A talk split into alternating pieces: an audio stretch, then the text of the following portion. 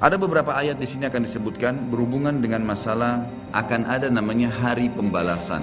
Ada hari di mana kiamat terjadi, artinya habis semuanya. Semua yang kita lihat dan kita tidak lihat di langit, di bumi, di kedalaman lautan, semuanya akan habis. Ada saatnya di mana ajalnya datang, semuanya akan hancur dan terjadilah kiamat. Kiamat ini akan terjadi bila diikuti dengan beberapa tanda-tanda sebelumnya, baik tanda-tanda kecil ataupun tanda-tanda besar. Jadi tanda-tanda kiamat itu ada besar ada kecil. Tentu kalau tanda-tanda kiamat kecil banyak sekali, banyak sekali. Di antaranya hadis riwayat muslimnya juga yang berbunyi, kata Nabi SAW, hitunglah enam tanda-tanda kiamat, ini kecil. Lahirnya aku, diutusnya aku dan meninggalnya aku. Berarti sudah ada tiga dan sudah terjadi. Kemudian akan tersebarnya ya, penyakit taun dan ini sudah terjadi zaman Umar radhiyallahu anhu. Terbebasnya Palestina di zaman Umar radhiyallahu anhu, gitu kan. Kemudian pembebasan negeri Persia terjadi di zaman Umar radhiyallahu anhu, berkumpul semua itu. Jadi enam tanda-tanda ini sudah kelihatan semuanya. Tanda-tanda kiamat yang kecil sudah terjadi ada, ada yang sedang terjadi sekarang dan ada yang belum terjadi. Kalau yang sedang terjadi seperti misalnya hadis Nabi SAW yang berbunyi tidak akan terjadi kiamat sampai orang-orang mengganti nama-nama minuman keras dengan nama-nama lain. Contoh, seperti sekarang misalnya menggantinya dengan istilah-istilah lain. Ya nama inilah, ya merek itulah, ya cuman sekian 5% alkoholnya dan seterusnya. Hadis yang lain tidak akan terjadi kiamat sampai zina tersebar, dianggap biasa, dan juga banyaknya laki-laki menyerupai perempuan. Dan juga minuman keras dianggap sebagai minuman yang biasa. Hadis sahih semuanya. Jadi ini semua kita lihat depan mata kita sedang terjadi. Ya, sedang terjadi. Kemudian yang belum terjadi itu seperti misalnya kalau tanda-tanda kiamat kecil terakhir sekali namanya Malhamah Kubra. Peperangan besar antara kaum muslimin dengan orang-orang Nasrani. Yang ini disebutkan panjang lebar dalam hadis Bukhari lebih dari tiga lembar kalau tidak salah. Hadis ini berbunyi, kata Nabi SAW kalian akan bersatu dengan Bani Asfar. Bani Asfar ini sebenarnya lebih tepatnya orang-orang Rum, ya, orang-orang Nasrani. Mereka akan bersatu, kalian akan bersatu dengan mereka untuk memerangi satu kaum. Tapi tidak disebutkan kaum ini siapa. Yang jelas kita akan bersatu satu waktu dengan kelompok-kelompok Nasrani ini. Kemudian kita bersatu memerangi satu kaum. Allahu alam siapa mereka. Sebagian ulama beristihad mengatakan komunis. Ada yang mengatakan kapitalis dan dan segala macam istilah. Tapi kita beriman bahwasanya itu akan terjadi. Ringkas cerita, kalian akan memenangkan peperangan. Pasukan tahaluf ini, sekutu ini akan menang. Kemudian setelah itu bubarlah semua pasukan dan tersisa pasukan dari di negeri Syam. Dan dari hadis ini juga ulama sekarang mengatakan kasus Syria ini akan berakhir dengan sendirinya karena memang hadis ini menjelaskan adanya ketentraman di negeri Syam ya, sebelum terjadi tanda-tanda kiamat besar. Pada saat itu pasukan muslimin ya sedang pulang ke negeri Syam bersama dengan pasukan Bani Asfar ini ya suku yang yang dikatakan dari bangsa Romawi Kemudian mereka mengangkat bendera salib sambil mengayunkan dan mengatakan kamilah yang telah memenangkan peperangan ini. Maksudnya oh, kekuatan Nasrani. Maka yang muslim sempat teman-teman mereka mengatakan ini kan kita sekutu. Bagaimana caranya kalian mengaku ya memenangkan sendiri. Terjadi cekcok di antara mereka lalu kata Nabi SAW akhirnya segelintir muslimin yang ada di situ Allah karuniakan mereka mati syahid terbunuh semua. Lalu hari kedua beberapa muslimin bersatu untuk ya berperang dan mereka juga dikaruniakan Allah mati syahid. Hari ketiga berkumpul lagi muslimin untuk mereka berpegang pada satu kesepakatan untuk tidak akan membiarkan bahwasanya orang-orang Nasrani menganggap menang sendiri. Maka akhirnya hari ketiga pun mereka diikram oleh Allah dikaruniakan syahadah mati syahid. Nanti hari keempat barulah berkumpul seluruh muslimin dari seluruh penjuru bumi. Lalu terjadilah perang besar antara kalian dengan Bani Ahmar dan mereka dibawa naungan 80 bendera Sebagian ulama hadis mengatakan mereka dibawa 80 negara. Jadi perang besar-besaran. Dan di dalam kegiatan orang-orang Nasrani di sebagian pastor dan pendeta, mereka menamakan akan terjadi nanti perang salib besar, puncak daripada penentuan siapa yang menang dan siapa yang kalah. Kita sebagai orang muslim bukan sedang memicu emosi untuk mempersiapkan diri, tapi memang ini hadis Nabi SAW, wahyu yang menyampaikan. Kita akan berperang melawan mereka. Dan ini perang besar-besaran seluruh dunia akan terjadi maka kalian pun akan berperang tapi tidak disebutkan waktunya berapa lama sampai pasukan kalian menembus wilayah Rum. Dan kalian berhasil menjebolkan temboknya dengan takbir dan tasbih. Berzikir. Dan tembok ini sebagian ulama mengatakan adalah Vatikan.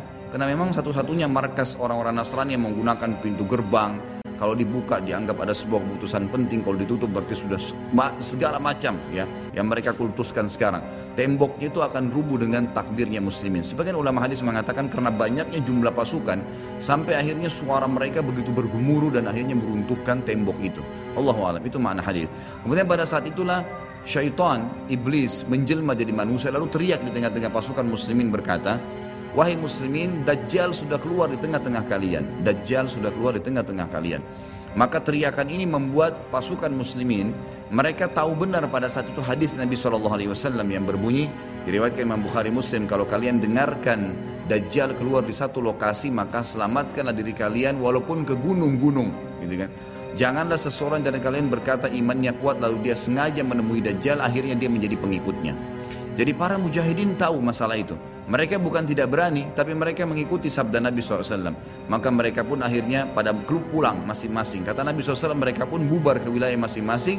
Pada saat mereka tiba di wilayahnya ternyata Dajjal tidak ada. Itu berita dusta. Dan pada saat itulah Dajjal keluar. Pada saat itulah Dajjal keluar. Dan Dajjal adalah tanda-tanda kiamat besar yang pertama. Tanda-tanda kiamat besar yang pertama. Jadi ini akan terjadi. Ini sekaligus saya menitik beratkan Ya, tidak bolehnya sembarangan orang ngomong. Sekarang soalnya ada beberapa orang semoga Allah berikan hidayah menentukan tahun ya akan terjadi kiamat. Bagaimana caranya menentukan tahun?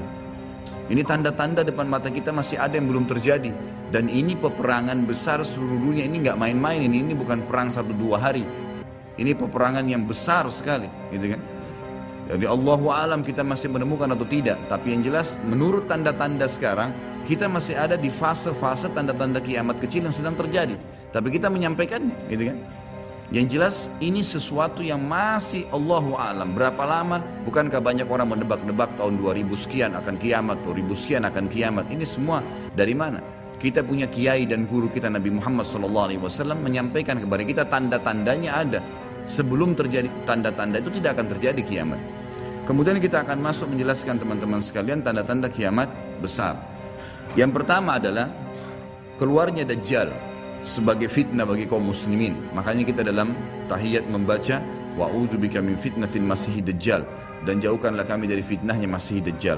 Yang kedua adalah sementara dajjal membuat kerusakan di muka bumi maka akan keluar Mahdi yang kata Nabi SAW akan keluar seseorang yang sama namaku Muhammad bin Abdullah dan dari keturunanku dari kota Madinah jadi kan sebagian ulama hadis mengatakan ini kemungkinan dari turunan Hasan.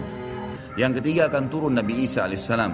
Pada saat pasukan Mahdi sudah sampai di masjid ya, Menara Putih, kemudian setelah itu, setelah Isa alaihissalam ya, datang turun kemudian memerangi Dajjal, datang tanda-tanda hari kiamat yang keempat adalah Ya'juj Ma'juj. Dua suku yang dari anak Adam diciptakan oleh Allah Subhanahu wa taala tapi mereka berbeda dengan kita. Mereka sangat beringas, memakan semuanya dan mereka akan membuat kerusakan membunuh semua yang ditemui. Kafir beriman tidak ada urusan. Selain mereka akan dibunuh. Ringkas cerita mereka akan buat kerusakan dan Allahu a'lam berapa lama di situ. Dan mereka akan mati bukan dengan peperangan dengan kaum mukminin tapi dengan doa Isa alaihissalam yang berdoa lalu Allah matikan mereka dengan satu kali mati kemudian Isa alaihissalam pun berdoa kepada Allah agar dihilangkan jenazah mereka karena seluruh bumi ini dipenuhi dengan jenazah mereka. Setelah berjalannya waktu maka akan terjadi orang-orang kufur kembali kepada risalah langit. Setelah pada saat itu Isa alaihissalam sudah meninggal dunia, sudah mulai sebenarnya tentram, orang sudah mengenal Allah, tapi dengan berjalannya waktu manusia mulai lalai, mulai lagi kembali menyembah berhala, mereka lagi berbuat zina, mereka melakukan kacau, kekacauan, maka keluar tanda-tanda kiamat besar yang kelima, yaitu keluarnya dabah atau hewan melata. Yang hewan melata ini akan keluar dari tanah berbentuk seperti hewan tapi dia bisa berbicara dan dia membawa cap yang dia mencap orang beriman dan orang kafir. Setelah uh, keluarnya dabah maka akan terjadi 6, 7, 8 sekaligus tanda-tanda kiamat ini yaitu terjadinya longsor besar di wilayah timur dan terjadi juga longsor besar tanda-tanda kiamat yang ketujuh itu adalah di Jazirah Arab dan juga terjadi di wilayah baratnya Jazirah Arab yaitu wilayah Afrika. Dan ini juga akan longsor besar gitu kan. Sebelum terjadinya longsor 678 tadi di seluruh muka bumi ini akan terjadi kabut yang menutupi dunia bumi ini. Dan semua dunia ini akan melihat kabut itu dalam beberapa waktu.